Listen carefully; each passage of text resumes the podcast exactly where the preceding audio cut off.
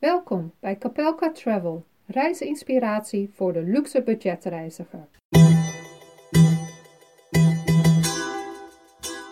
Vandaag neem ik je graag mee naar China en deel ik met jou de 10 kleine gebruiken en gewoontes in China die mij erg zijn opgevallen.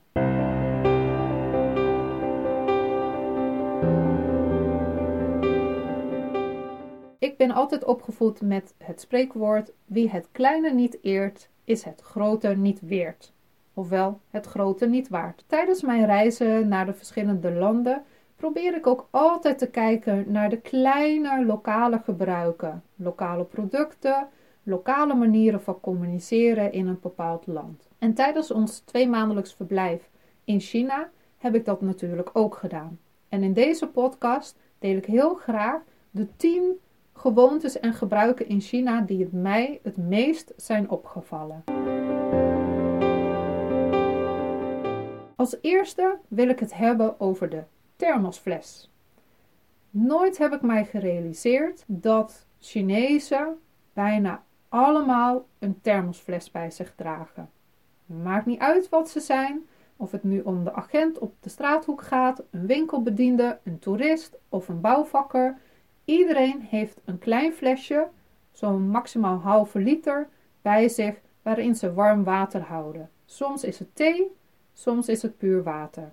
En ook heb ik regelmatig gezien dat obers werden gevraagd in restaurants om het betreffende flesje bij te vullen. Ik weet niet of dit vooral speelt in de omgeving van Shanghai of dat je dit fenomeen door heel China aantreft. Tijdens ons verblijf kwamen we ook in gesprek met een lokale expat en we hadden het over gezondheid in China. En zij vertelde aan ons dat de lokale bewoners haar ook altijd vertellen dat ze voldoende warm water moet drinken, want dat is gezond.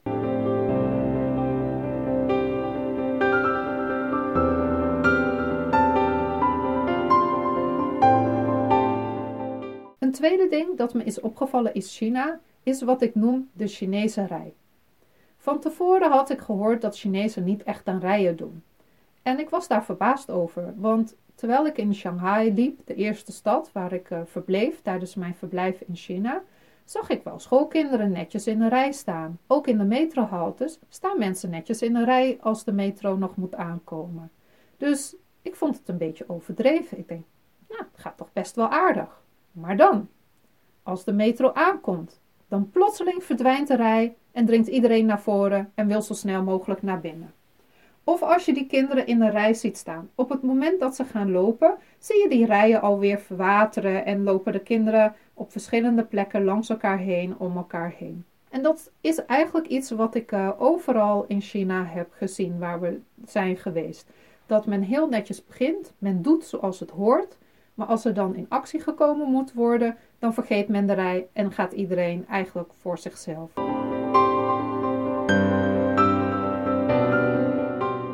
Wie China in december en januari bezoekt, de koudste maanden van het jaar in het land, zal zeker in Shanghai en omgeving de scooterjassen tegenkomen.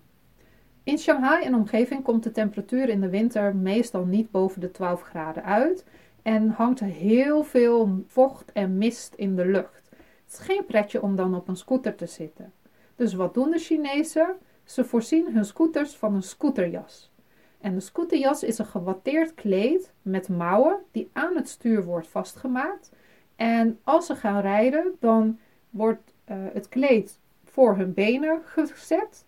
En daarna steken ze hun armen door de mouw heen. En is er nog een bovenstuk wat hun bovenlichaam afschermt.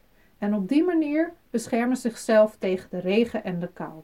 Ik ben ze op straat in allerlei kleuren en vormen tegengekomen. Sommige heel flits en modern, andere heel grauw en vies.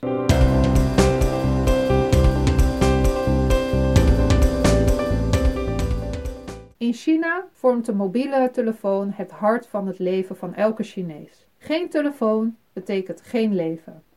Met de telefoon wordt betaald in winkels, in restaurants, er wordt eten besteld, er worden contacten onderhouden, reclames bekeken, spelletjes gespeeld, gegokt en wat al niet meer. Iedereen, maar dan ook echt iedereen, zit of staat iets te doen op haar smartphone in de metro. Ook in Nederland zie ik het. maar dan zijn er altijd nog wel een aantal mensen die een gewoon boek lezen of oordopjes in hun oor hebben en gewoon naar muziek luisteren.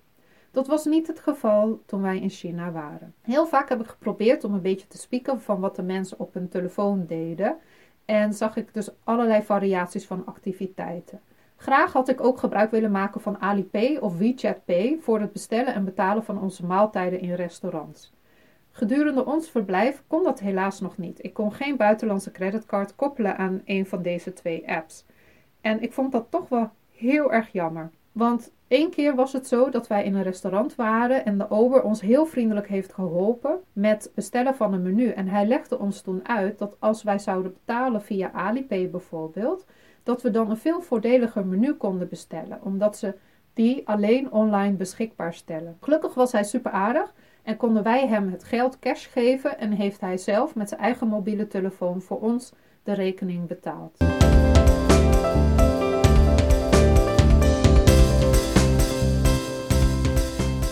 Als ik in het buitenland ben, probeer ik ook altijd op te letten op grappige vertalingen naar het Engels. In Marokko heb ik dat meegemaakt, een paar mooie foto's gemaakt. En ook nu in China ontbraken de iets wat hilarische vertalingen niet. Enkele voorbeelden van dingen die we zijn tegengekomen was No Naked Light. Voor het feit dat je geen vuur mocht hebben in, in een bos, in een park, ter voorkoming van brand. Of uh, Warning Hands Pinching, wat in de metro stond om te waarschuwen dat je moet oppassen dat je je hand niet tussen de deuren hebt als ze dichtgaan. En een andere die ik zag was no stocking. En ik dacht, stocking, panty, maar ik sta hier naar een grasveld te kijken. Een plaatje wat erboven stond begon te duiden dat het de bedoeling was dat je daar geen spullen op mocht neerzetten, omdat daar ook de septic tanks onder andere waren.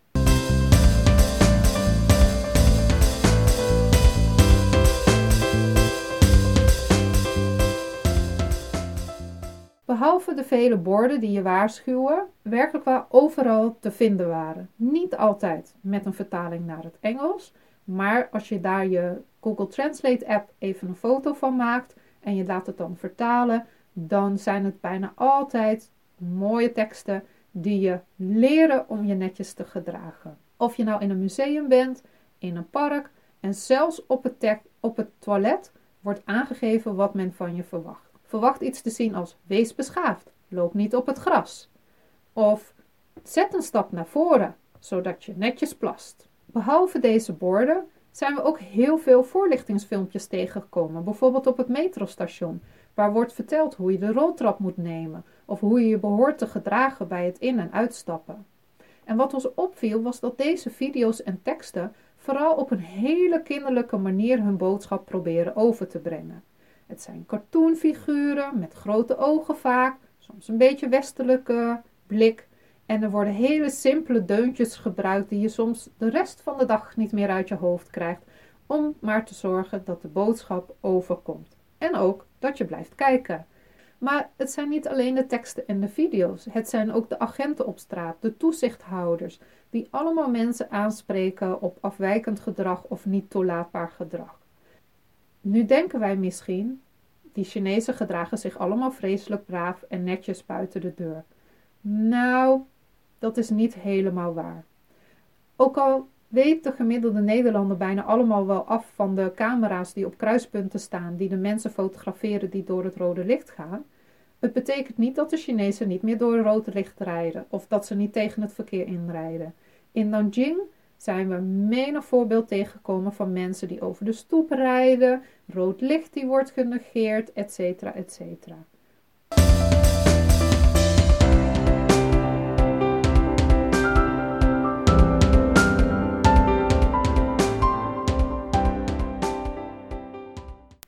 Iets waar ik nog geen vinger achter kan krijgen van het waarom en het hoe, is het feit dat wij tijdens ons uh, verblijf in China, waarbij we vooral in Shanghai, Nanjing, Hangzhou, Suzhou verbleven, dus in de regio van Shanghai, dat wij bijna in elk museum en elke stad wel verwijzingen tegenkwamen naar de wat ze noemen de revolutionaire periode. En dat die periode vooral ook als heel hip en trendy wordt gezien.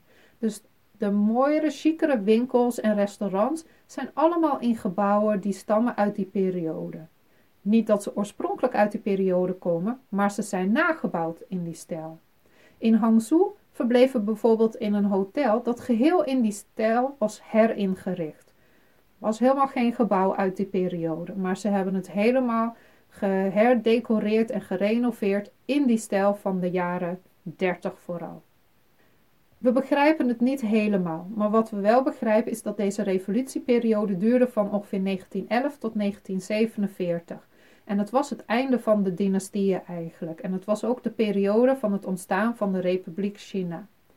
Economisch ging het toen goed met het land, ondanks dat men uh, door Japan werd bezet, maar economisch draaide alles vrij, op vrij goede toeren. Dus we vonden het interessant dat vanuit die periode dus eigenlijk geen aandacht werd gegeven aan de invasie van de bezetting van de Japanners of de ongunstige relatie van China met de westerse landen in die periode. Want het was ook de tijd dat de Fransen en de Engelsen nog heel veel te zeggen hadden in China.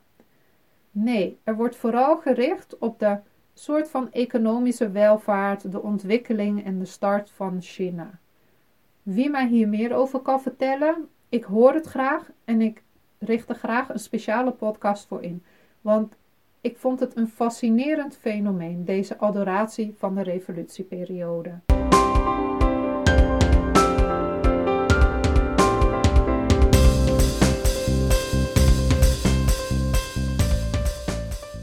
Tijdens onze tijd in China hebben we op een hond gepast. Omdat je op een hond past, ga je toch wat meer letten op andere honden en andere hondenliefhebbers. Ondanks dat veel mensen denken dat alle Chinese hond eten, wat absoluut niet waar is, vonden wij vooral heel veel bewijzen dat Chinezen eigenlijk best wel hondenliefhebbers zijn.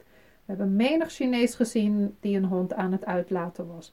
En in de wintertijd worden deze honden ook in een jasje gehezen. En zo warm gehouden dat eigenlijk alleen maar de billen van de hond nog onbedekt zijn. Om te voorkomen dat hij niet zou kunnen plassen en poepen. We merkten ook dat er bepaalde rassen zijn die de Chinezen wel heel erg leuk vinden. Een van die rassen zijn de Corgis.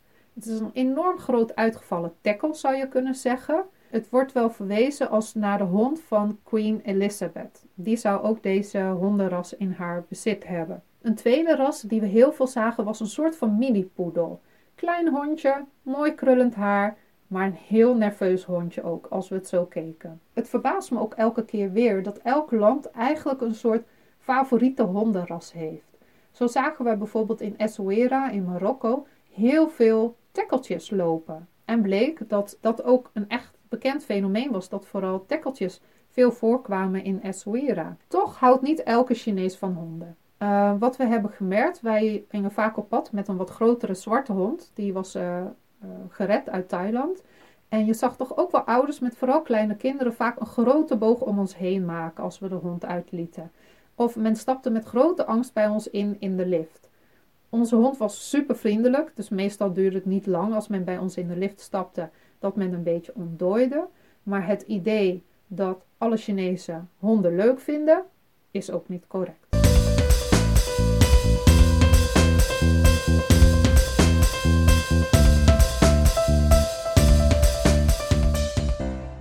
Ik zal nooit het moment vergeten dat we in Shanghai op een drukke kruispunt stonden. Het licht werd groen. Ik zag tientallen scooters wegrijden. Maar ik hoorde en ik rook ze niet. En dat was een shock, want voor mij, Aziatische steden horen vies te zijn, horen vol stinkende en luide scooters en auto's te zijn. Je moet het gevoel hebben dat je bijna vergast wordt. En hier stond ik midden in Shanghai op een drukke kruising en ik rook en ik hoorde niets. En daarin zie je dus weer een, een, een trend en een verschil met wat je aan verwachtingen kan hebben en wat je daadwerkelijk aantreft in een land. Shanghai Centrum was een ultieme plek om doorheen te wandelen, want waarschijnlijk is het verplicht dat je daar alleen maar in het centrum mag rijden met een elektrische auto of op een elektrische scooter. Kwamen we in andere steden, dan hoorden we toch wel weer regelmatig een, uh, een gewone scootergeluid. Maar over het algemeen moet ik zeggen dat uh, naar verhouding de lucht in de stad zelf relatief schoon was. Een andere verrassing was eigenlijk ook wel dat wij geen fietsen meer zagen. Ik heb nog steeds ergens zo'n video in mijn hoofd van uh, China met heel veel fietsen, biking in Beijing. En hier waren we in China en we zagen bijna niemand op de fiets. En ook de vele fietshare-programma's die er zijn, werden niet tot nauwelijks gebruikt. We hebben echt rijen met fietsen overal zien staan die ongebruikt in de stalling staan. Nadeel van al die elektrische scooters is wel dat je ontzettend moet opletten. Want deze scooters, je loopt vaak een beetje op een gezamenlijke wegpad, kunnen plotseling achter je opduiken en ze willen je inhalen, maar je hoort ze niet. Dus plotseling moet je dan opzij springen. Dat was voor ons wel even wennen, dat we niet op ons gehoor konden afgaan of er iets achter ons kwam of niet. Als laatste wil ik graag nog vertellen dat wat heel veel indruk op mij heeft gemaakt is de grootschaligheid in China. In Wuxi verbleven wij in een appartement op de 28e etage van een enorm complex met gebouwen, bestaande uit zeker 10 gebouwen van minstens 22 etages hoog. Dat gebied werd omgeven door een muur en wordt ook wel een compound genoemd. Het was bizar. En terwijl deze appartementen net klaar waren en nog niet eens allemaal bewoond, werd er ten oosten en ten zuiden van ons alweer doorgegaan met de bouw van een nieuw enorm groot appartementencomplex met minstens zoveel appartementen als dat wij op ons terrein hadden. De expansiedrift in China is echt enorm. Maar het gaat niet alleen om de hoeveelheid. Het gaat ook dat als men iets bouwt, dat men ook daadwerkelijk gewoon lijkt te bouwen op de groei. Nieuwe treinstations zijn gewoon voor mijn gevoel bijna net zo groot als een kleine vliegveld. Enorm hoge plafonds, enorme ruimtelijkheid en dat vind ik wel bijzonder, want ondanks dat het dan zo enorm druk is, heb je niet het gevoel opgepropt te zitten in een kleine ruimte. En we hebben ook een aantal musea's bezocht, meestal wat recentere musea's. En ook daar zie je de ruimtelijkheid in de gebouwen. Het is absoluut niet het gevoel dat je van een kamertje naar een kamertje naar een kamertje loopt. Nee, je loopt echt van ruimte naar ruimte. En dan ga je weer even naar buiten. En dan ga je naar een ander gebouw. En dan heb je daar weer een grote ruimte. En dat is wel een bijzondere beleving. Want je voelt je niet zo bedrukt. En ook als het druk is op een bepaalde plek, voel je wel de drukte, maar je voelt je niet helemaal bedrukt. En dat is, ehm, ja, dat vond ik wel heel bijzonder, die beleving. Terwijl als je bijvoorbeeld naar een Rijksmuseum in Amsterdam gaat en je loopt daar in de drukte, dan voel je je gelijk benauwd en denk je, ah! En daar in bijvoorbeeld Nanjing, in het uh, herdenkingscentrum van de massacre daar, was het ook vreselijk druk. Maar het voelde heel anders aan. Ik ben heel benieuwd of meer mensen uh, dat zo hebben ervaren. Maar die grootschaligheid, ja, vond ik heel imponerend en indrukwekkend. En als ik van mijn 28e etage naar beneden keek, naar het park, wat onder ons lag op, het, uh, op de compound, ja, dan voelde ik me soms ook toch wel weer een beetje heel erg klein.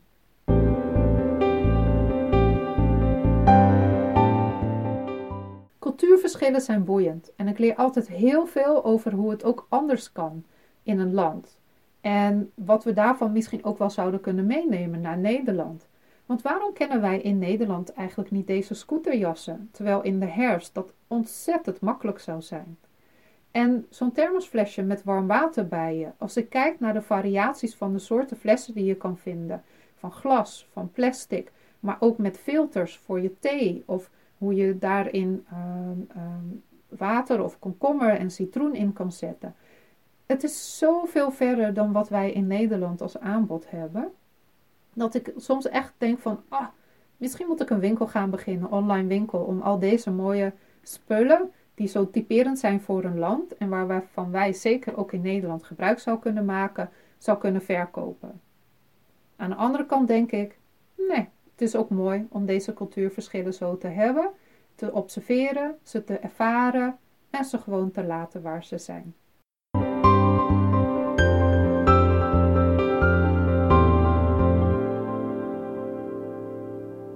Heb je genoten van deze podcast? Dan hoop ik dat je hem wil liken, misschien ook deelt met vrienden en bekenden En natuurlijk dat je me gaat volgen en ook naar een volgende podcast luistert die ik binnenkort zal gaan uitgeven.